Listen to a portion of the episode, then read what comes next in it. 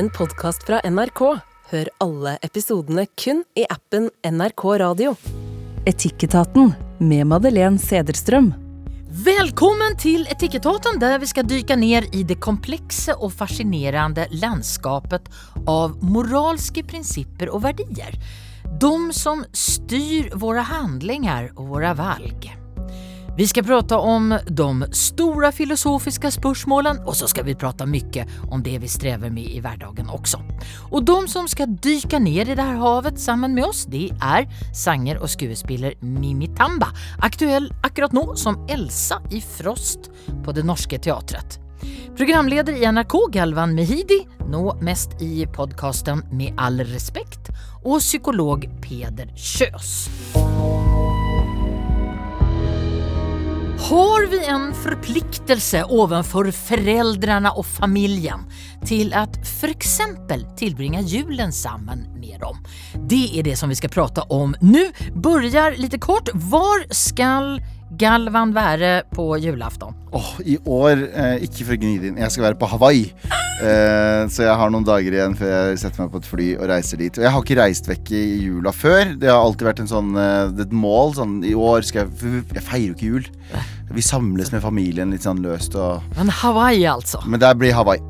Peder. Ja, det blir eh, hjemme hos oss. Ja, stor familie. Ja. Ja. Mimmi. Det blir i Tromsø med mamma og søster og stefar. Vi har fått et mail fra Stian som skriver Hei Etikettaten.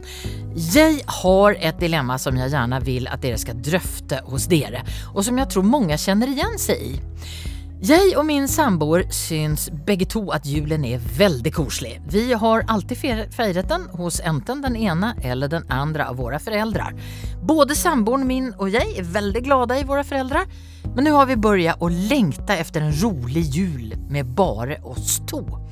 Problemet er at ingen av oss har søsken, så da vil foreldrene våre bli alene på julafton.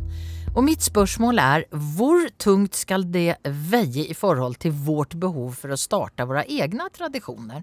Skylder vi foreldrene våre å stille opp for dem på julafton?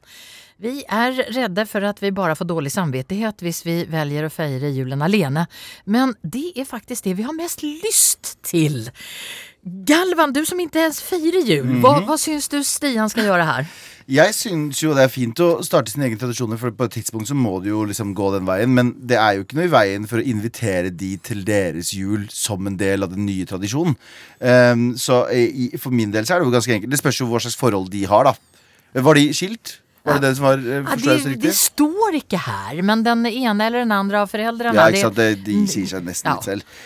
Um, det spørs jo selvfølgelig på det forholdet de har mellom seg, men det å invitere de inn til seg, at dere tar på en måte um, Um, kontroll over den nye tradisjonen, at den nye tradisjonen, vekten ligger på dere, det er jo en del. Ehm, det, det, det tror jeg kan være en sunn forandring i det. Ja, men å lämna folk ensamma på julafton, eh, gjør ens du det? Um, ja, kanskje ubevisst. Uh, jeg tipper at jeg gjør det og ikke tenker på det. Men jeg har, vi, vår familie har en veldig sånn avslappa forhold til jul. Vi har prøvd å feire jul et år, og så var vi sånn oh, Det her føles ut som et teaterstykke. Uh, og så, og så droppa vi det igjen. Men vi, vi samles jo og har det hyggelig, og sånne ting. Men der har vi For meg personlig så har vi en sånn respekt for hverandre at julen er en sånn pusterom. Så hvis noen har lyst til å være helt alene, så respekterer vi det. Så er det ok. Ja. Mimmi, hva, hva, å feire julen eh, og levne alene uten å, å låte foreldrene være alene, hva, hva tenker du om det? Jeg, jeg syns ikke noe om det. Eh, men det er jo så klart, jeg er enig med Galvan at det der i forhold, man vet jo ikke hvilket forhold de har til, til sine foreldre, om de har vært der, om de er nære. Men eh, hvis jeg skal ta utgangspunkt i meg sjøl, eh, som har et nært forhold til mine foreldre, så vil jeg synes det var eh, dårlig å, å, å, og, bare Hei, du, vi bare feirer vår egen jul, og så kan dere sitte alene. Når de kanskje har eh, diska opp um, julemiddag i alle år. Altså, jeg syns det er eh, slapt, rett og slett. Du, du, mener at Stian, Stian skylder sine foreldre såpass? Ja, det syns jeg. Så kan, altså, for de varer jo ikke for alltid. Så når de er døde, så kan de jo gjøre Så kan de lage sin egen tradisjon. E- Eller at man kan jo snakke om det. Det kan jo hende at de har lyst til å være alene på julaften. Jeg vet ikke, Man kan jo ha en dialog om det, men jeg, jeg syns ikke det er noe sånn sayonara, vi vi feirer eget, egen jul. Man, Stian skyller lite grann föräldrarna det. Ja. Peder, tror du att detta är ett ganska vanligt eh, förekommande problem? Ja, hvem man skal feire jul med og sånn, ja. Og, og det at noen blir sittende aleine og sånn. Og det er klart at noen ganger så er ikke det så lett å unngå, da. Det kommer veldig an på konstellasjoner med folk som er skilt og som bor langt unna og masse forskjellig sånn. Så, så jeg tenker det er, jo, en- det er jo en hel masse praktiske spørsmål. Og så er det veldig viktig det der med hva slags relasjon man har, da. Om man har et forhold som er sånn at det burde man virkelig gjøre, for man har et godt forhold. Men da tenker jeg ville problemstillingen da oppstått i det hele tatt? Jeg tenker Når de har så lyst til å holde på helt for seg sjøl, hvorfor det, på en måte? At det fins en grunn her. Men de- ja. skylder man sine föräldrar noe? Ja, det syns jeg i utgangspunktet. Og særlig, særlig hvis det har vært foreldre som har vært ok, da. Det må man jo liksom ha en som et forbehold her.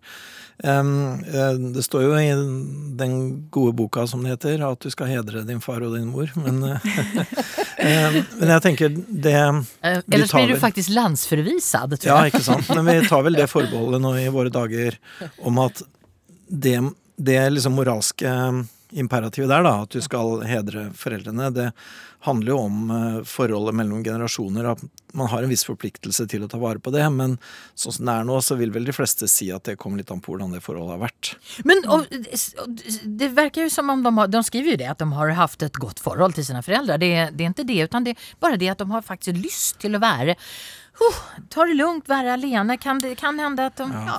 Det kan være mye styr, va? Jeg er litt enig med Mimmi der, at jeg syns det er litt tynt. Altså. Ja. Jeg Jeg, jeg syns det er en eh, forpliktelse som man ikke bare kan si 'nei, vi har ikke lyst'. Jeg syns det er litt tynt. Men, eh, men jeg er jo oppvokst med en litt sånn kaotisk jul. Men som når bestemor eh, døde, eh, og det har liksom bare på en måte forandra seg litt, så har det blitt en mye roligere jul. Så jeg liker litt det at tradisjoner kan endre seg, og jeg tror at vi har godt av å på en måte stå han av eh, med familien en gang i året.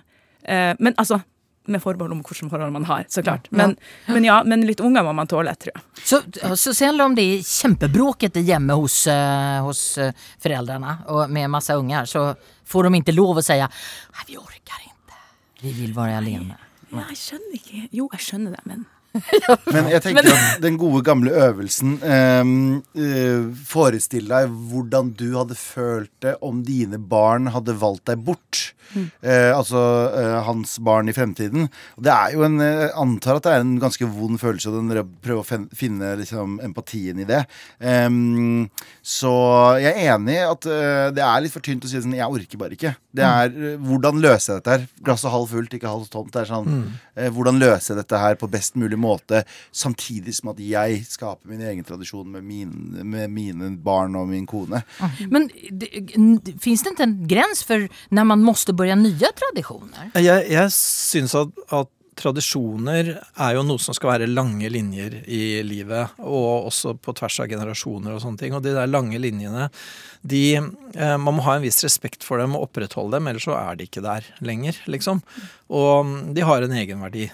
Eh, og Hvilken verdi er det? Hvilken egenverdi er det? Jeg tenker Det har en egenverdi å føle liksom en tilhørighet til noe som er noe mer enn bare akkurat hva du har lyst til den ene kvelden, eller akkurat hva du absolutt vil, liksom. Det må være en organisk på en måte inngang på det. Ja, og, at, ja, og en litt sånn historisk og litt sånn tilknytning til noe større, da. Jeg syns, jeg syns det er ganske viktig. Mm. Og det gjelder alle tradisjoner. Jeg tenker også sånn derre ja, Hvorfor skal man absolutt gå i dress? Hvorfor kan man ikke møte opp i eh, altså, Jo, det skal du gjøre fordi at det er det som er måten vi gjør det på. Det er en tradisjon. Det er liksom, jeg tenker at det er litt sånn Hvis man begynner å skulle begrunne alle tradisjoner ut fra eh, praktisk eller hva man har lyst til, så er det ikke tradisjoner lenger. Da. Og tradisjoner er ganske viktige.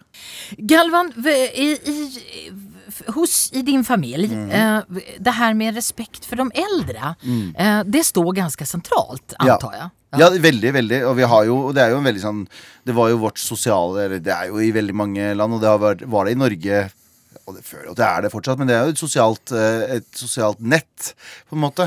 Det at du, du blir eh, tatt vare på når du blir eldre. Men jeg må jo ærlig innrømme at jeg har jo eh, Jeg lider jo av at jeg lar sto- storesøstera mi, som er mamma to ta seg av det. Ja, ja. Hun blir i frontlinjen hvis det er liksom mamma er syk og sånne ting. Så tar jeg meg selv i å ta denne feige veien ut og tenke at søstera mi ordner dette. Så jeg har jo eh, blitt assimilert ganske godt, vil jeg si. Men, men vet, du, vet du hva søsteren din syns om det? Syns hun det er ok, eller er det Nei, jeg vet jo det er veldig mye Det er jo litt klinsjer der også. Det blir jo Ja, litt sånn ok. mye for dem også. Jeg vet jo at hun uh, syns det er slitsomt, men, jeg, eh, men jeg har jo Jeg er jo heldig, jeg har fem søsken. Fire søsken, beklager. Eh, så jeg har mange jeg kan kaste foran meg. Nei, men, men eh, det står jo det, det gjør jo det, altså. Det står veldig sentralt. Men um, Men føler du at du skylder dine foreldre 100 någonting? Ja, ja, definitivt. Det er jo uh, ekstremt dårlig samvittighet med en gang jeg føler at jeg unnviker eller sier at å, jeg har ikke tid til at dere kommer på besøk nå, så går jeg rundt med en klump i magen hele tiden. Um, Men har ikke de også en, en forpliktelse mot dig? Att respektera dig och dina ønsker? Jo, men det, det, det gjør det jo. Eh, men jeg føler jo at på lik linje som at de ikke hadde noe valg, nesten. Selvfølgelig, det bunner jo i kjærlighet og omsorg, men i også at de har et levende menneske de skal ta vare på og oppdra. Så føler jeg jo at det er samme veien tilbake. At jeg burde jo ikke ha noe valg, med tanke på at dette er jo mitt kjøtt og blod som har oppfostra meg, som har liksom eh, fått meg ut av krig, og, og eh, vi rømte da vi var veldig små. Um, så jeg føler jo at den mentaliteten av det er ikke bare uh, det, her, det passer dårlig. Um, det, den burde egentlig ikke streife meg. Det passer dårlig, tanken. Det passa jo ikke dårlig når de bærte oss fra liksom Irak til Tyrkia i 91. Men, så så, så de, de har erkänt sin förpliktelse Ja. mot dig och då menar du att då har du en slags förpliktelse mot Ja, dem? det burde i hvert fall være Ja. veldig låst Ja. eh, i hjernen min. Det burde være på default at uh, dette her er ikke noe Dette er ikke en mening jeg har. Mimmi, er du enig i det? Skyller vi våre foreldre noe? Ja, det, det gjør jeg.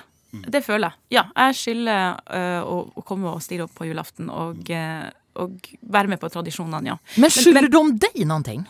Uh, ja, de, ja, de skylder meg å ikke slå meg og, Altså ikke være slem og, og ond og, og hva kan man si ignorere meg og ikke gi meg kjærlighet. Men det, det føler jeg har fått. Så hvis vi skal prate til Stian så kan vi si så här. Stian, vi, eh, vi syns at du skal vi syns dere skal være hos föräldrarna. Rätt og slett. De alle er enige i det? Ja, Ja, egentlig det, ja. Ja, og så kommer du til å sette pris på det om uh, 30-40 år når de er borte. Det er det. Eh, og så kommer du til å huske det. Du kommer ikke til å huske det når det- Ja, vi fikk litt fri den dagen. ja. Nei, og så sier dine unger at liksom Nei, vi vil ha det på vår måte, vi har ikke lyst. Mm. Och Det så, blir så, blir, så bryts hele tradisjonen. Ukultur i familien blir det. Ja. När utvecklar vi vårt moralske inre kompass månntro? Eh, och då ska jag bara spørre fort eh, panelet. Første första gången du hade dåligt samvete, husker du det? Ja, det var en gang jeg skulle eh, hjelpe han pappa. Vi, vi var i byen og vi eh, skulle gå og hente masse stoler med en lastebil. For at han drev på med noe eventgreier, så skulle han hente masse stoler. Og så hadde vi jobba hele dagen med det og henta stoler, og så hadde han sagt sånn OK, etter at, dere, etter at du har vært med på det her, så skal du eh, få godteri, ikke sant, noe sånt. Eh, og vi skal gå hjem og vi skal se film og kose oss. Eh, og så, hadde, var vi på siste steg hvor vi skulle hente stolene, og så satt vi i bilen, og så gikk han ut for å hente stolene, og så så jeg nøkkelen hans til bilen, så tenkte jeg jeg skal bare putte den inn for å hjelpe, sånn at eh, eh, liksom Bare for å være hjelp, hjelpsom, liksom. Bare putte liksom, eh, nøkkelen inn i eh, nøkkelhullet. Og så gjorde jeg det, og så brakk den av. Nei. Og så kom han tilbake, og han ble så sint. og, jeg, eh, og jeg, som vel, jeg var jo et barn da, eh, tenkte jo bare at det var jo bare en god gjerning fra min side. Men, eh, det husk, men at han skulle bli så sint for det, da, da fikk jeg så dårlig samvittighet at det var skam og den følelsen. Så Hvor gammel var du da? åh, da var jeg eh, Tror jeg var åtte. Åtta. Ja, Ja. Og det husker jeg godt. Galvan, husker du første gangen som du fikk så här, kände "Åh, det her er galet? Nei, vet du hva, det, det, det gjør jeg ikke. Fordi jeg, jeg har jo alltid vært nevrotisk barn. Veldig redd for alt hele tiden. Så jeg tror Det, det er som å tråkke på en spiker. Du husker den ene spikeren, men hvis du tråkker på en spikermatte, så husker du ikke hvilken spiker du tråkka på. eh, og sånn er det med meg også, føler jeg. Jeg, jeg, får, jeg kan få dårlig samvittighet i dag. Jeg kan sikkert gå herfra og tenke sånn Faen, avbrøt jeg en av de? Eh, eller, eller gjorde jeg et eller annet sånt? Eller, så det er eh, det, Nei. Vi men det, det skjer konstant. Vi, vi, vi liker deg, Galvan, Jeg lover. Så bra. Vi gör det. Så bra. Ja, vi det. Peder, husker du det første gangen du kjente at mm, det var Nei, jeg klarer ikke å huske første gangen, det kan jeg ikke. Men, men jeg husker en gang som var litt sånn kompleks. eh, Jeg vet ikke, vi var sånn åtte-ni år, tenker jeg. Jeg og en kompis vi holdt på å starte en skogbrann en gang. Vi drev og lekte og sånn da, vet du, og så plutselig så begynte det å brenne veldig. Og så eh, var det noen som slokka det og sånn, og vi fikk jo med en gang fryktelig dårlig samvittighet for at vi hadde jo gjort noe vi ikke skulle, og med nesten katastrofalt resultat, ikke sant. Så, så, så vi to liksom sammen da, hadde veldig dårlig samvittighet. Men så husker jeg veldig godt at han hadde mye dårligere samvittighet enn meg, på en måte. Og jeg følte at uh, jeg liksom ble dratt inn i liksom å fake litt, da. Jeg hadde dårlig samvittighet på ordentlig, men at vi liksom overdreiv det, liksom. Ja. Det, det husker jeg ganske godt. Den følelsen av at liksom Testa ut litt? Igjen. Ja, men jeg husker Ja. den følelsen av å, å liksom overdrive dårlig samvittighet. Men er dårlig samvittighet moral? Er det, er, det, Um. er det liksom et moralsk kompass å ha dårlig samvittighet? Det tenker jeg det er, ja. Ja. Ett av flere. Ja. Nu ska vi prata om när den där födelsen kommer. För de eh, forskare vid ett eh, universitet i Japan, Osaka-universitetet, har gjort experiment på åtta månader gamla babyer och utsatte dem för eh, ett experiment med en skärm med två figurer. Och då kunde de eh, babyerna straffa figurerna genom att stirra länge på dem om de gjorde något dumt. Och det gjorde babyerna. De stirrade länge på den som gjorde något dumt så att de fick en sten i huvudet. Och därmed så menade forskarna att de hade utfört en slags moralisk värdering och handling. Vi, vi ska ju inte snacka så himla mycket om eh, akkurat den forskningen. Men eh, vad, vad tänker ni att moralen kommer ifrån? Tror ni att det finns någonting som är medfött i oss? Eh, och det är ju frestande att börja med dig Peder, men det ska vi inte. vi börjar med dig Mimmi. Vanskelig spørsmål. Eh, men jeg tenker jo på psykopater. Eh, og er de født med De er født uten empati, har jeg skjønt. Eh, så det går an til å bli født da uten et moralsk kompass. Men jeg tenker jo også Jeg syns det er vanskelig fordi ehm, eh, Moral forandrer det seg ikke fra kultur til kultur, hva som er rett og galt. Men eh, så jeg, jeg, men jeg syns det er vanskelig å se for meg at en åtte måneder gammel baby vet forskjellen på rett og galt. Jeg, tror- jeg, jeg tror det er for tidlig, men det er jo en forskning som kanskje sier noe annet. Galvan, hva, hva tror du? Eh, Tror du at vi fødes med en slags retning i livet? En kompass? Ja, jeg tror nok det er eh, Nå det er så skummelt å snakke sånn rett ved siden av Peder. For han, jeg kan si hva jeg vil, og så bare tenker jeg sånn Din dumme uvitende. Uvitende jævel. Men her er bare det jeg tror min, Jeg bare stirrer på deg som Ja, en stein i hodet. Det er det, det er det. Nei, jeg tenker at eh, det er um, det, det er jo en del av evolusjonen som jeg har forstått at vi sånn eh, Det ehm, Det å ikke drepe eller det å hjelpe er jo bedre for det storsamfunnet, er det ikke det? For den lille triben vi er i. At vi skal liksom på en måte eh, det, det er derfor det går igjen sånn gjør mot andre det du vil at det skal gå gjøre mot deg. Det, den eh, filosofien går jo igjen i mange, mange, mange kulturer, fordi vi vet at Uh, jo mer, flere vi kan hjelpe, jo flere har vi på vår side. Så jeg tror nok det, det ligger noe evolusjonært i genene våre der. Ja, for hva er forskjell på instinkt og moral, da? Altså, Ja. er det det samme? Er det Moral samme, kommer eh, Peder? Kan du? Ja, nei, Det er et veldig godt spørsmål, syns jeg. jeg. Jeg tenker jo at uh, jeg, jeg tenker jo veldig på linje med det dere gjør. At um, vi har en slags sånn moralsk startpunkt.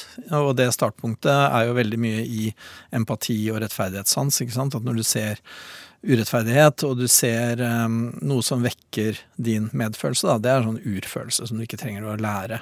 Og som folk jo har i forskjellig grad, ikke sant. Som, som du sa, Mimmi, noen er jo født tilsynelatende mer eller mindre uten empati, liksom, mens andre er veldig, veldig empatiske, og det er forskjell på det. Men at det er den grunnleggende impulsen som moralen på et vis bygger på, det, det tror jeg nok eh, Det tror jeg nok egentlig at de fleste moralfilosofer òg vil mene. Men det er et spørsmål der. Er moralen på en måte lært og tilegna, eller sånn, eller er den medfødt? Og jeg tenker jo at den sitter veldig dypt i det medfødte utstyret vårt, da. Kan man utifrån det kan man då säga att man, kan, att man är født snill eller mindre snill? Eller till och med ond? Ja, nei, Man er jo født med dette her utstyret, og så er det jo hva slags verden man fødes inn i, da, og hva slags erfaring man får, som former dette her. ikke sant? For Det er jo En av liksom mine favorittfilosofer er Løgstrup, da, som er eh, dansk eh, filosof og teolog, som mener det at, vi, at eh, medfølelsen, det at vi kjenner at når andre lider, så appellerer det til oss. At da kjenner du inni deg at du trenger å gjøre noe for å avhjelpe den lidelsen. ikke sant? Men eh, problemet i verden er at det er så mye lidelse at du har ikke mulighet til å ta vare på alle. Og, og også hvordan du sjøl blir møtt når du sjøl eh, lider da, og trenger å bli tatt vare på. De erfaringene der former jo hva du gjør med den impulsen. ikke sant? Og noen avkorter jo den impulsen veldig. Hvis du lever i en katastrofal verden, så kan du ikke ta deg av alle. Så du må liksom skjerme deg da, mot den naturlige appellen. Men da, hans poeng er at da gjør du vold på naturen. Sånn at hvis du på en måte har eh, hatt en fæl oppvekst, og du er eh, ja, ikke så veldig god til å ta hensyn til andre, da, så, så er det på en måte fordi det medfødte apparatet ditt har blitt skada. Det er ikke sånn mennesker egentlig er. Og, og jeg syns det liksom er et veldig sympatisk, eh, egentlig ganske hyggelig utgangspunkt. da, At vi alle er innstilt på å være gode for hverandre, og vi er også innstilt på å forvente det gode av andre. ikke sant? Men så blir den impulsen litt sånn ødelagt, da.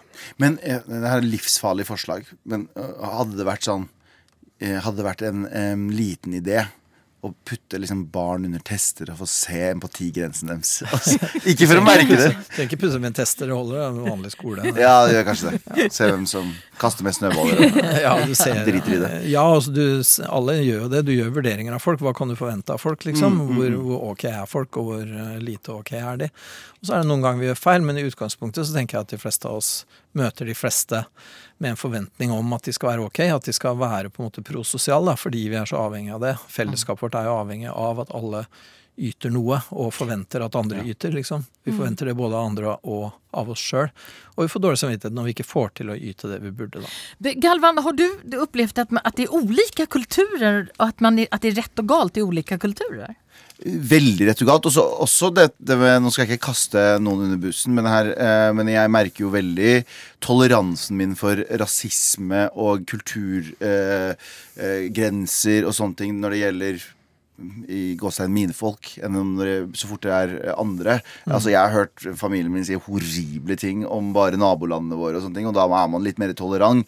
Eh, Eller bare for eksempel, jeg så en liste her om dagen som var ehm, Ting du ikke skal nevne i jula. Ikke nevn folks uh, porsjoner. Ikke nevn hvor mange går, går, de går og spiser. Ikke går, nevn vekt og ditt og datt. Uh, og det som er interessant med det, at det er jo alt mamma sier hele tiden til meg. Hele, eh, konstant. Så det er jo en veldig sånn Og og jeg respekterer det, men sånn det å si til en person der vi kommer fra, sånn du har blitt tjukk eller du har blitt tynn, er bare en sånn indikasjon. Det er ikke en måte å shame noen på. Hvis du er tjukk, så er det ikke en, en mobbe. Det er bare en indikasjon på Nå går det oppover i systemet, nå går det nedover i systemet. Ta det som du vil. Eh, mens i Norge så ville jo det ha vært Det er det første mamma sier til meg hver eneste gang jeg kommer i døra. Så, nå har du blitt feit. Nå har du blitt, har du blitt tynn. Pappa også Ja, ikke sant? Men det handler ikke om at de vil deg vondt. Det handler ikke om at de vil Det er bare sånn Du får ikke med deg dette her. Jeg får med meg det. Ta informasjonen og bruk den som du vil. Mens i Norge så ville det jo ha vært i noen kretser ramaskrik, og det ville kanskje ha blitt innleggelser. Og det ikke for å overdrive Men så, det ville vært psykolog Peder hadde fått masse å gjøre eh, denne uka. Eh, og det er Jeg veit ikke helt hva det er, men det er jo en sånn forskjell som er sånn Det man forteller hverandre, og det den sosiale Um, de sosiale på en måte samtaleemnene og sånne ting De endrer seg veldig fra kultur til kultur. I Noen land så er det horribelt å si visse ting. Andre land så er det bare en sånn Dette er det jeg tenker. familien min i Senegal, som jeg ikke har så mye kontakt med, som jeg kanskje jeg har vært der kanskje tre-fire ganger, eh, pleier ofte å skrive til meg på Facebook. Eh, og, og liksom sånn 'Sava, går det bra?' Sånne ting. Og så spør de ofte om penger, da. Og jeg, liksom liksom syns det, jeg syns det er rart når ikke de kjenner meg. Men, men det, det har vært en sånn ting som jeg bare Hvorfor, hvorfor spør alle meg om penger? Eller sånn, Kan du sende ned en mobil? Kan du, kan du sånn, sånn? Og jeg syns det er litt sånn tigger, altså det er sånn tiggergreie. Og jeg har prøvd å få svar fra det fra faren min. og Jeg tror han også syns det er vanskelig. For at han har eh, liksom foten i begge kanaler, altså både i Norge og Og han har blitt ganske norsk også. Og Senegal. Eh, så derfor, der har jeg liksom kjent på sånn hm, Stolt Altså blir de Det syns jeg er litt sånn rart. Men jeg tror eh, de tenker bare at jeg har masse penger, og så at jeg kan bare Du har jo familie. Og, ja, familie, ikke sant. Så det, men det, det gjør man liksom ikke i Norge, da. At man går ikke rundt på en måte og, og spør fremmede om penger hvis du ikke er på gata, på en måte. Men det jeg syns er interessant med det når man snakker om kulturforskjell, er at er moralen universell likevel, til tross for de forskjellene? Og jeg lurer på om det er, det er sånn nivåforskjell som man gjerne snakker om der, da. For moral er én ting. Moral er liksom den iboende øh, følelsen av at du vil andre vel. Og at du forventer at andre vil deg vel. Men oppå moralen, da, for å liksom fortolke det for å håndtere det under forskjellige eh, livsbetingelser, så har man jo etikk. ikke sant? For etikken er jo liksom refleksjon om moral. Er en måte å si det på. Eh, Etikken er, etikk er liksom systemer hvor man prøver å liksom fortolke de moralske underliggende impulsene. Da. Ok, Hva skal vi gjøre med all denne medfølelsen? Hvordan skal det se ut? Jo, hvis du bor et sted hvor det er eh, materielt trangt og sånne ting, så blir det helt annen etikk enn hvis det f.eks. er veldig materiell overflod. ikke sant? Og, og sånne ting. da. Så, så jeg tenker den moralske følelsen av å enten si til deg at du har blitt tjukk, eller å slett ikke si det. Moralen er den samme, den er å ta vare på deg. ikke sant? Mm, mm. Ja, godt. Men, Men, men hvordan ta vare på deg, det har man, hva er det å ta vare på? Der har man forskjellige etiske refleksjoner Ja. om den moralske problemstillingen.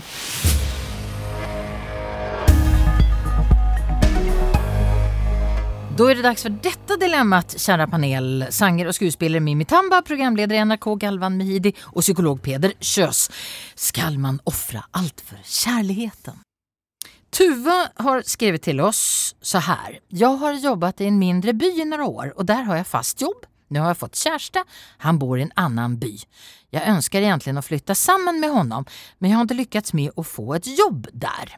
Jag kan förstås sälja lejligheten, si upp jobben och bara flytta och satsa allt på kärleken. Men ska jag det? Ska jag välja förnuften och vänta till jag får jobb eller ska jag satsa allt på kärleken? Mimmi, känner du igen dig i något av detta? Ja, altså jeg er jo veldig rom romantisk og emosjonell person, så det, dette her Jeg kunne sikkert hatt lyst til å bare slippe alt og bare ja, gå for kjærligheten. Eh, men jeg skjønner ikke hvorfor um, Hvorfor kan det ikke ha litt sånn avstandsforhold, selv om det er kjipt? Men jeg tror ikke det er lurt å bare ofre alt og så dra dit. For jeg tror veldig på selvstendighet, da. Og at det kanskje også ville gjort at kanskje hun blir litt i at det kommer fram sider som ikke er så sunt. Um, jeg tror jeg hadde blitt sånn, da. At du blir veldig opptatt av Å, drar du på jobb? Eller sånn. Jeg, for jeg, ja, jeg er veldig opptatt av å dra på jobb, og, og det er en stor del av meg. Så det å ofre det ville vært dumt. Men så jeg mener at det er en bra test for kjærligheten å, å se om de kan ha avstandsforhold. Nesten hvor lenge som helst kanskje? Eller Eh, finns Nei, det en men hun må jo finne jobb innen Altså, kjæ, eh, jeg kjenner folk som har hatt avstandsforhold i seks år. Mm. Eh, og så ble de sammen, og så begynte de å flytte de sammen. sånn. Det er jo ikke alle som klarer det, men ja. Gikk det bra? Ja ja, de er fortsatt sammen. Ja, det er bra.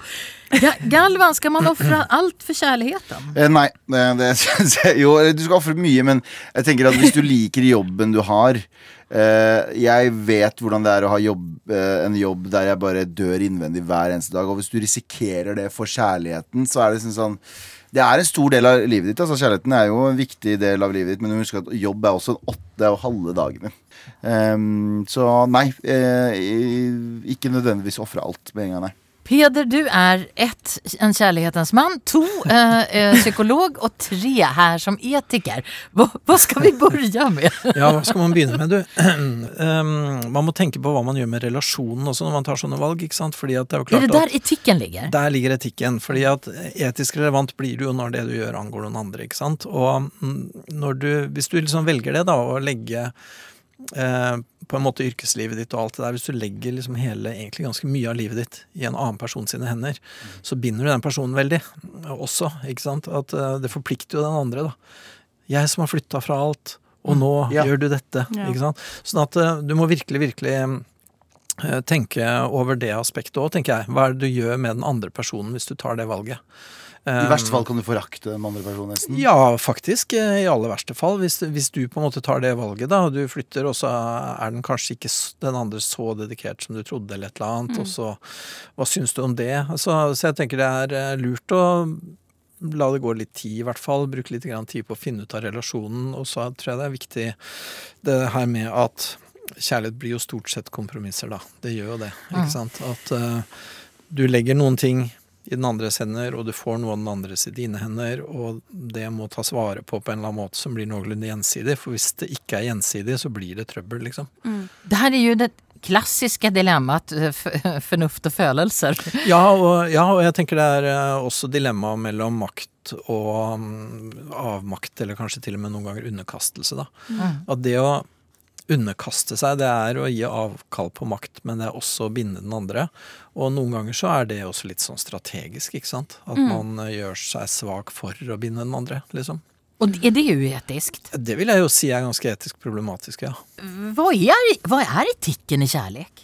Eh, Etikken i kjærlighet er vel mye den samme som i andre relasjoner, tenker jeg. At eh, um, du Det som er litt spesielt i kjærligheten, det er at du vil jo den andre vel, ikke sant. Men så vil du jo også deg selv vel. Du vil ha noe av den andre også. Du møter jo den andre ikke bare med et ønske om å gjøre vedkommende glad, men du har jo lyst til å bli glad sjøl også, ikke sant.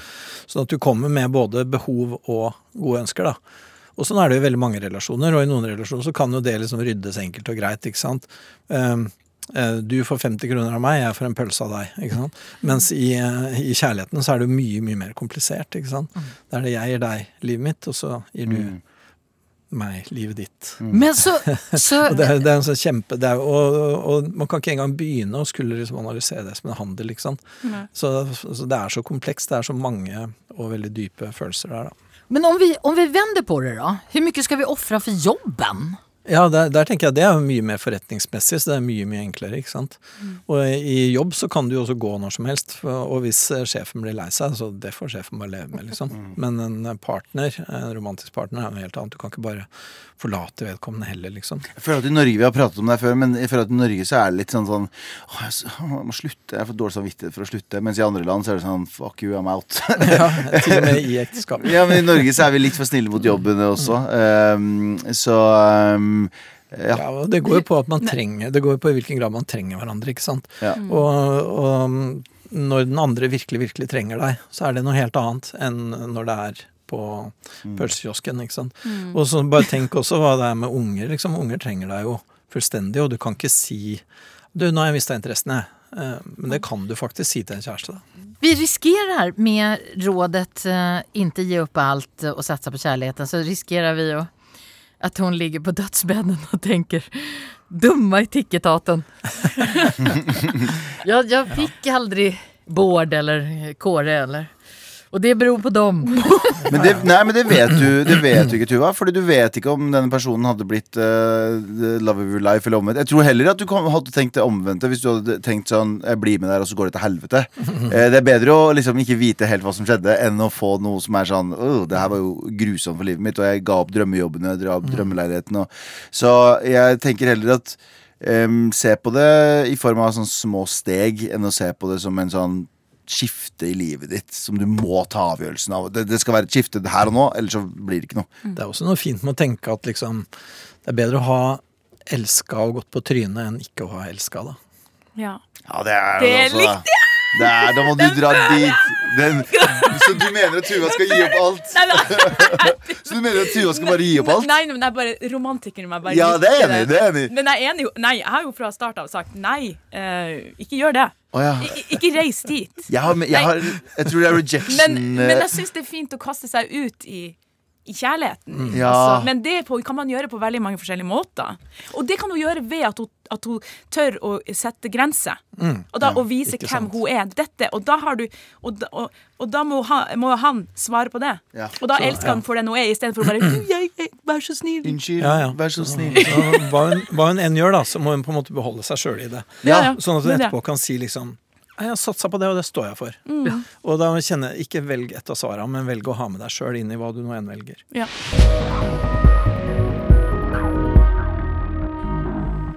Da skal vi til et återkommende jultema dessverre, nemlig rusen.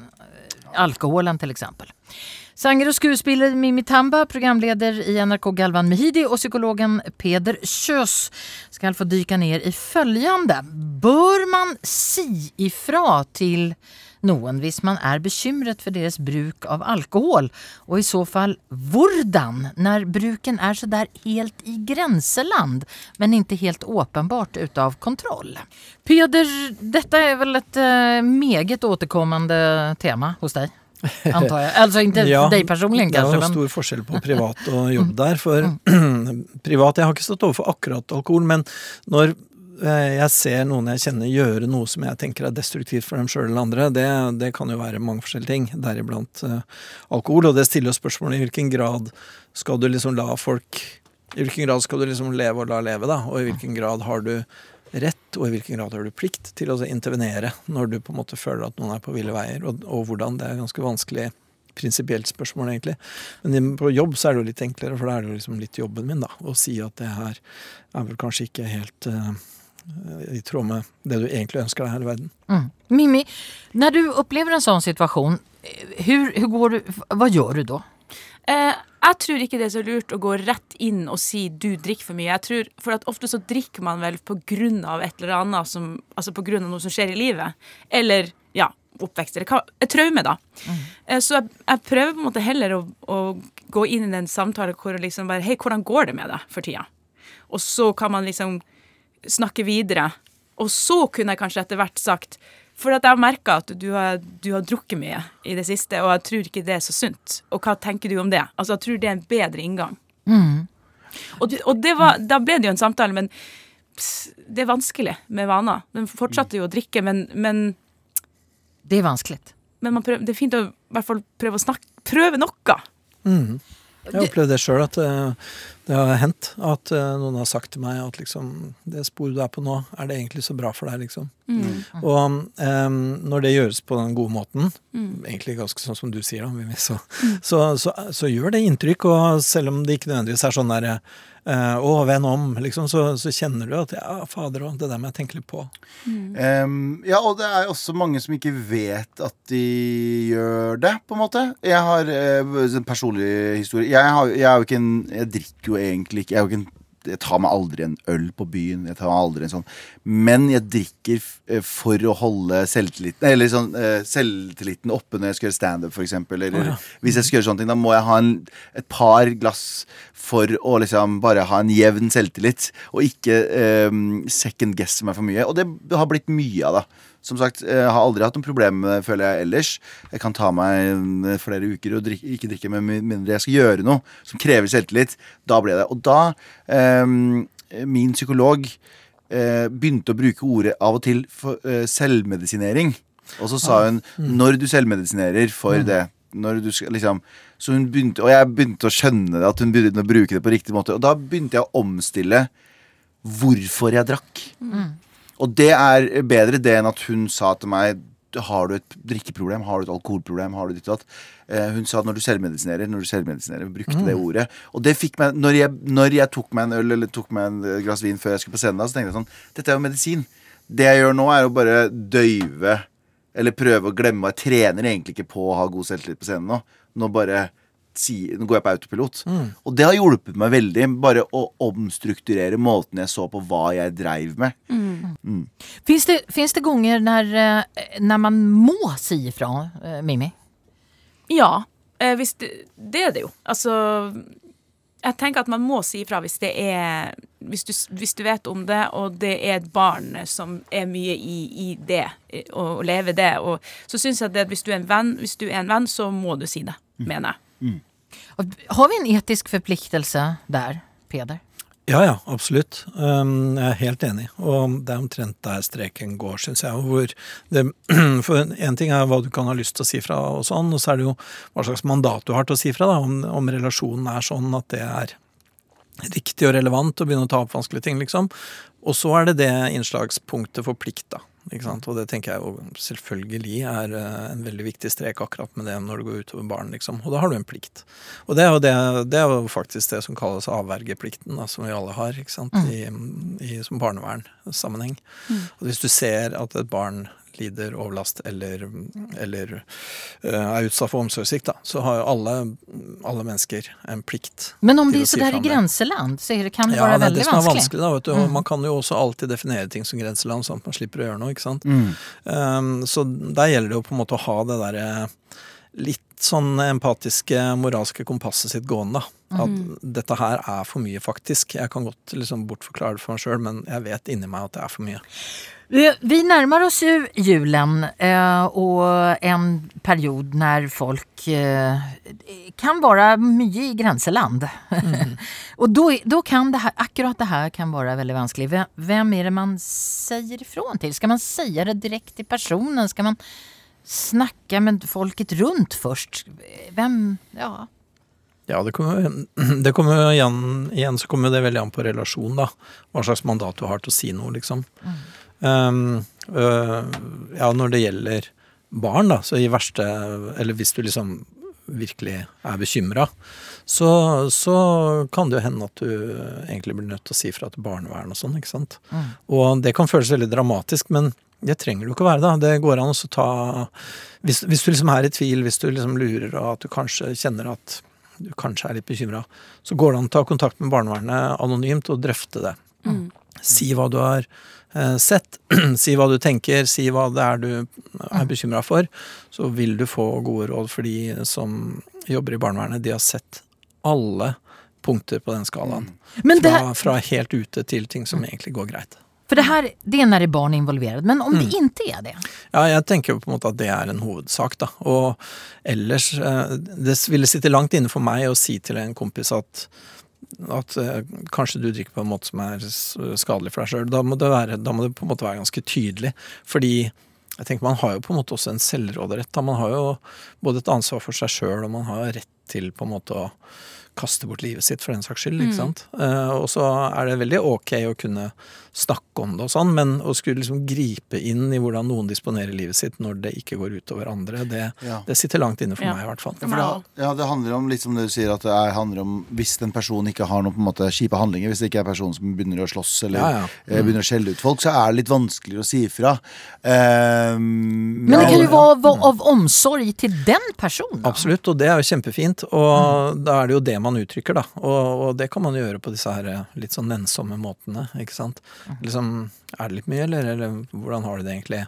Litt sånn, ikke sant. Men man må kanskje da prøve å gjøre det ganske tydelig at man ikke er ute etter å liksom skulle overta noe styring eller liksom intervenere mm. på noen måte som rammer den andres frihet, da. Ja, så opplever jeg også at eh, jeg kjenner jo I musikkmiljøet så er det jo mye alkohol. Eh, og har jo også Jeg kjenner jeg føler at det er noen som er komfortabel med å leve sånn, og som har det godt. Og så sånn. Eh, så det, det betyr ikke Bare for at man drikker veldig mye, betyr ikke alltid at man har det dårlig. Nei. ja, det er sant. Mm. Det er veldig sant. Vi skal eh, avrunda det, detta och det skal vi gjøre med å ge et tips til vem man kan kontakta. Du, du har jo pratet om barnevernet når när det gäller eh, når du er bekymra for barn och Ja, og, kan man ta kontakt med. Ja, og, og jeg har egentlig veldig lyst til å avdramatisere det. Mm. Det går fint an å gjøre uten at det er å sette i gang en hel masse ting som ender med forferdelse, for det er virkelig ikke det vanlige. Barnevernet jobber med mange foreldre i veldig forskjellige situasjoner, og det er ytterst sjelden at de må gjøre noe som oppleves som dramatisk. Du kan också, hvis visst efter när du har hørt denne samtalen og du kjenner at du vil prate med noen, så kan man ta kontakt og få råd eh, med, eh, i en offentlig tjeneste der du kan være anonym som heter Rusinfo. Telefonnumret er 915 08 588. 915 08 588 Og der har de også en chattefunktion og du kan som sagt være anonym.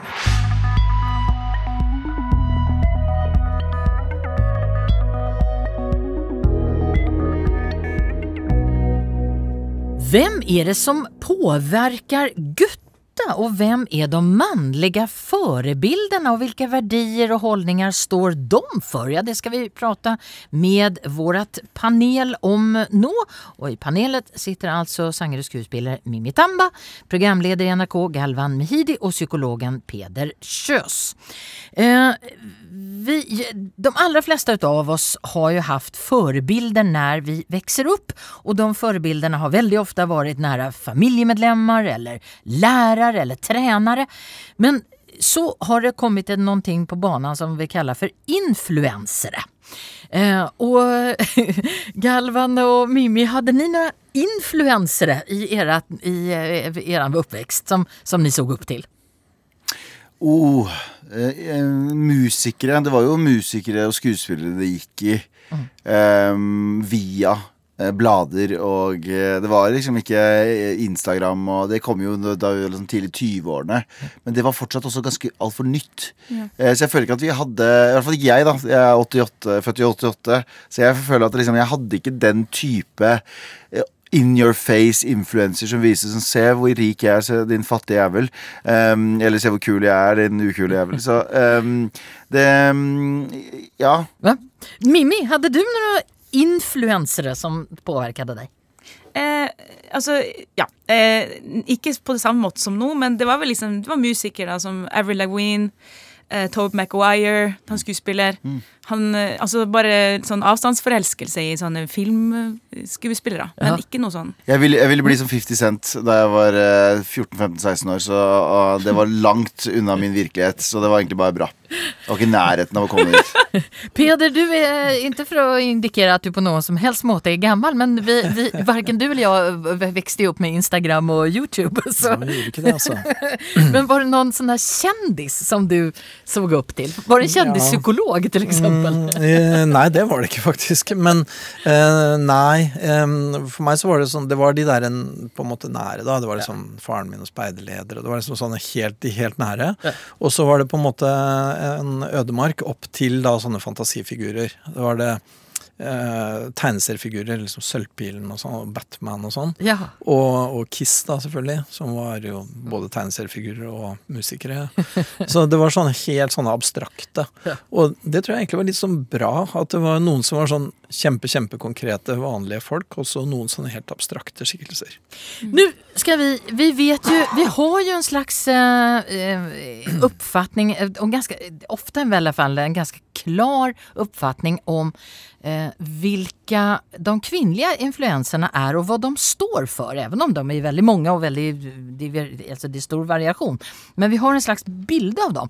Men vilka er de manliga förebilderna nå? Vilka er de manliga influenserna? Vem påverkar de unga gutterna? Og vilka, inte minst, vilka verdier og holdninger står de for? Galvan, du, du snackade om in your face-influenserna. Vilka tänker du påverkar de unga gutterna nå? Nå er det jo veldig den der anti-woke-bevegelsen. Nå føler jeg jo at Andrew Tate og alle disse karene som er, eh, mener at eh, biologi har absolutt alt å si, og vi bare skal se tilbake til det gamle stammesamfunn, og det er punktum, og da trenger vi ikke å tenke mer. Ehm, eh, så det er jo Det høres jo veldig logisk ut på papiret, veldig mye av det greiene der, men så tar man ikke høyde for at verden har forandret seg i de siste tusen årene. Ehm, så det er vel, jeg merker jo at det er veldig mye vi har norske influensere også. Gutta som eh, De skal se hvor mye de klarer å drikke på 24 timer, og så skal de eh, se hvor mange de kan ligge med på 24 timer, osv. Så, videre, og så, videre. så det handler om den alfamann-influenseren som har kommet inn nå, som jeg merker at gutta er veldig, veldig veldig opptatt av. I hvert fall de unge gutta, for de er litt sånn sånn når du er 13-14-15 år og prøver å finne ut hvem du skal være, så er det litt sånn kult å være Og det er kanskje noe insektivt i gutta. da Den der, Jeg skal være en alfamann, jeg skal vise at jeg har det jeg trenger. Jeg kan nedlegge alle kvinner. Mimmi, merker du av dette med, med de mannlige influensene? Og det, hur det påvirker menn? Ja, i forhold til når jeg har prøvd å date litt og sånn, så er det mye ja, det, det er veldig mye utseendefokusert, tenker jeg da. Og det er mye at man skal være, ha bra kropp og, eh, og, og sånn. Men ja, det, jeg syns det er vanskelig. Og han der Andrew Tate, han synes jeg på en måte Jeg skjønner ikke om han, han er en komiker, eller om han er ekte. Så jeg ser, ser på han som en klovn, men han sier jo også ting av og til som er litt sånn Oi! Det var jo litt, det var jo litt interessant. Men han har en retorikk som Han snakker så rart. Jeg har aldri hørt han si noe interessant om noen ting. Han, han sier noen Jo. ting som er sånn selvfølger, føler jeg. Akkurat som enig med Mimmi. At han sier noen ting som er sånn ja, og så bare oppå dette her, som er en helt vanlig tanke, så er kvinner er bedre enn menn. Han, han, sprinkler det, han sprinkler en rett som er bra, med litt dritt. Ja, ja, eh, ja, ja. Og det kan han finne på å gjøre. Og da er det liksom sånn du, Hva er det de sier? Han ødela klokka har rett to ganger om dagen. Men, men eh, Peder, du kan, du kan sikkert uh, korrigere meg på det her. Men jeg, jeg føler at all denne mannlige influenser-businessen nå, og gutter som tiltrekkes av mannlige influensere fordi de påpeker at menn har det ganske mye ille Har det ille nå, for det er jo en sånn De sier at menn har det ille. Men det her er sikkert kontroversiell mening eh, å ha, eh, men jeg tror menn har det altfor bra nå. Fordi jeg tenker Hvis du ser på historien, i hvert fall ut ifra hvordan jeg ser på historien Det å være en mann eh, gjennom hele tiden Man snakker jo om hvor ille det har vært å være en kvinne gjennom historien. Det å være en mann i historien har jo vært noe av det mest grusomme også. Det er, du våkner opp i morgen, så kommer det en krigsherre og sier sånn Du som har vokst opp på gården, kom her. Du skal, her er et våpen. Du veit ikke hvordan et våpen fungerer, men du er egentlig kanonføde nå. Og så skal du, hvis du overlever denne krigen Høres ut som du snakker om Russland akkurat nå. ja, Russland akkurat nå, men også store deler av historien gjennom hele, gjennom hele. Så, så når vi til Og jeg syns vi skal selvfølgelig ta menns eh, sorger på alvor i dag.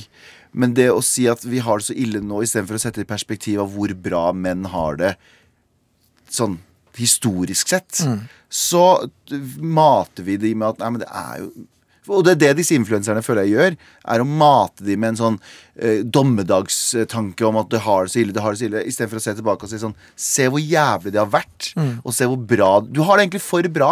Du, du trenger ikke å krige for maten din, du trenger ikke å dre, krige for å overleve, eh, du trenger ikke å bli oppringt av en diktator som sier sånn Vi har et par verdenskriger vi må gjennomføre, og så kan de få lov å dra hjem. Så jeg, jeg, vet, jeg vet ikke om det er perspektivting. Peder, Ja, altså, Sorry, det var mye, det var mye greier. Nei, Ja, nei. Noe av det som er greia med det med influensere, er jo at folk stort sett eh, er fri til å oppsøke akkurat de influenserne de vil. Og det er jo veldig mange som da egentlig primært søker eh, bekreftelse, ikke sant. Og mm, det er jo klart at når du er eh, ung mann og føler deg litt bortkommen og du vet ikke helt om du får det til og sånn, og så kommer det noen og sier at liksom du er kjempeålreit, og når du føler det sånn, så er det urettferdig, og det er noen som har tatt fra deg noe som er ditt. Så er det klart at det appellerer til mange, ikke sant. Og så kan det slå dårlig og bra ut, da, for noen er jo da sånne eh, som sier at 'å, du har rett til å ta det med hvilke midler som helst', type opplegg, ikke sant. Mens andre vil jo si så Derfor så må du stramme deg opp, gutt. Du må, ta, du må gå løs på livskampen på en realistisk og ordentlig måte, og ikke drømme deg bort i fantasier. ikke sant? Så det er jo de to retningene den egentlig går, da. Den der eh, influensegreien, i den grad jeg har sett det, da, i hvert fall. men er det, är det sånn at det appellerer til noe slags grunnleggende i, i mannen?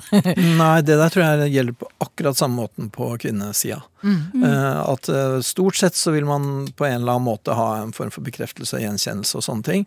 Og så får du ett av to. Du får enten da en, eh, en utfordring og noe å jobbe med, og det kan være bra eller dårlig. Eller du får på en måte sånn derre Å, stakkars deg, du burde slippe å ha det sånn. Du er et offer. Ikke sant? Og begge, det, er også, det kan fort bli veldig gærent, det òg, da. Det er det samme trikset som har blitt brukt i liksom, både med rasisme og etnisk Ja rensing. Og Og det uansett har ingenting er. med influensere å gjøre heller. Det har alltid vært sånn. ikke sant? Det har alltid vært sånn. Så, men det er jo klart det kommer an på hva du fokuserer på. Og når du er 14-15-16, så, så er livet ganske vanskelig uansett. Enten du er gutt eller jente, eller, mm. eller du har det bra eller har det dårlig, så er livet ganske vrient i den perioden. Og hva du får da, og hvilke råd du får, er jo litt viktig, da. Men hvorfor får det så mye opp oppmerksomhet? Hvorfor får de så mye oppmerksomhet? Hvorfor vi gir vi de kanaler? Altså, for eksempel Andrew Tate blir jo intervjua av uh, eh, Pierce, for eksempel. Jeg Ja, Pierce Morgan. Ja, som er en ja, respektert journalist, på en måte. Eller han er jo også kontroversiell på sin måte, men jeg syns bare det er interessant at man gir de kanalene, og han sitter der med solbriller, eksempel, og bare prater. Ja. Så, så jeg føler det er jo interessant at de får så mye plass. Mm. Og, og, har så mange følgere. Men det er, Ja. det er kanskje bra at vi tar det med eh, Det er både farlig og ufarlig at vi tar det opp i mainstreamen, tror jeg. Fordi hvis du eh, overser de, så får du lov å blomstre litt i, i, i bunnen, istedenfor å få de opp i Tror jeg, da, i, i, mainstreamen og si at sånn Se hvor teit det her er. Så det er, det er både ulemper og fordeler med å dra det opp, men hvis du bare overser de totalt, så får du en liten sånn eh, hi, vi La oss hitlere debatten. Da får du en liten sånn nasjonalsosialistisk bakgrunnsløft. Ja da, Ja. Og da får du til og med den derre oss undertrykte. Ja. Mm. Så, så jeg tror også det er lurt å snakke offentlig om disse skikkelsene, da, sånn Ja. at folk på en måte får noen innspill til hvordan de skal vurdere det. For at når du er 14-15, så må du finne ut hvem er gode idealer. Hva er et godt ideal, liksom? Og da må du lære deg å vurdere idealer, da, fordi at det finnes nok av forslag, liksom. Ja. På, på andre siden, jeg vet ikke om han er så veldig aktuell lenger, men Jordan Petterson har jo vært veldig sådär aktuell med de her tolv reglene for livet. Uh, er, er, er, är han noenlunde godkjent, Peder? Jeg tenker jo han er jo på den andre, litt på en annen side, da, for der er, det er jo liksom sånn eh, Hold orden på sakene dine, vær ordentlig, vær til å stole på. Velg dine forbilder, er jo faktisk også et av rådene hans, da. Mm. og liksom og det er litt sånn derre rydd i sokkeskuffen, gå med slips, vær streit, ikke ljug. Det er jo ganske gode råd, det. liksom. Så, Gå med slips? Galvan? Ja, fader, jeg må gjøre det med å gå med slips. Ja, nei, eh, Jordan Peterson også har jo en Han har jo kommet seg inn med den derre intellektu, eh, gåstegn intellektuelle veien. Han kom jo seg inn eh, Han ble jo rikskjendis i Canada fordi han eh, eh, sa imot en sånn um, pronomenlovgivning som var sånn hvis du nekter å si pronomen eh, ønsket pronomen av noen eh, elever, så kunne du bli uh, dømt for hat. Uh, hate speech, hva heter det? Hat, ja. ja. Så han, uh, han kom jo frem som en sånn ytringsfrihet-person, og fikk en sånn gigantisk plattform for å eh, spy ut ganske mye enkle ting. Og før det så hadde han holdt på i årevis med eh, sånne lange, seige eh, podkaster om Bibelen, og han skrev en bok som handler om eh, mer sånn, ja, egentlig ganske sånn Jung-psykologi-opplegg, da. Sånn veldig sånn kulturelt forankra livsvisdom-greier, som han holdt på med i årevis, før han plutselig ble veldig kjent, da. Religion, ja. For jeg føler at hele han er, Det er veldig sånn religiøst, nesten. Fordi jeg har sett liksom på seminarene hans hvor det kom mange folk, så er det nesten som at han er en slags Guru. en gud. Og folk er helt sånn som kan liksom nesten sånn de begynner å snakke i tunga, på en måte. Ja, og det er jo kjempekontrært i forhold til det han sier, da, for han er Ja. veldig opptatt av religion, men han er også veldig opptatt av at du skal jo ikke på en måte følge falske profeter, liksom. Nei. Så Da tenker jeg at vi skal avslutte med at uh, gi noen gode råd til eh, de som söker efter mänliga influensere som kan bety noe for dem. mm, jeg syns man skal se opp for alt, det. Jeg syns at man skal eh, lese og se og høre veldig bredt, og så skal man vurdere det. Og så skal man bli veldig interessert når folk sier ting som står mot hverandre, for det betyr at da må du ta stilling. Og det er det du skal gjøre her i verden. Du skal ikke finne hva som er rettesnora di, du skal finne ut hvordan du skal ta stilling til ting. For rettesnorer kommer det til å finnes mange av, og de spriker i alle retninger. Da er dagens dykketime i moralens og etikkens hav over. Og dykkerne det har vært sanger og skuespiller Mimi Tamba, programleder i NRK Galvan Mehidi og psykolog Peder Kjøs. De som organiserat Dykketimen er Hege Strømsnes, Margrethe Nåvik, Sigrid Gjellan og jeg heter Madeleine Cederström. Og du kan finne alle etikettater på appen NRK Radio. Og da ønsker jeg alle en riktig god jul.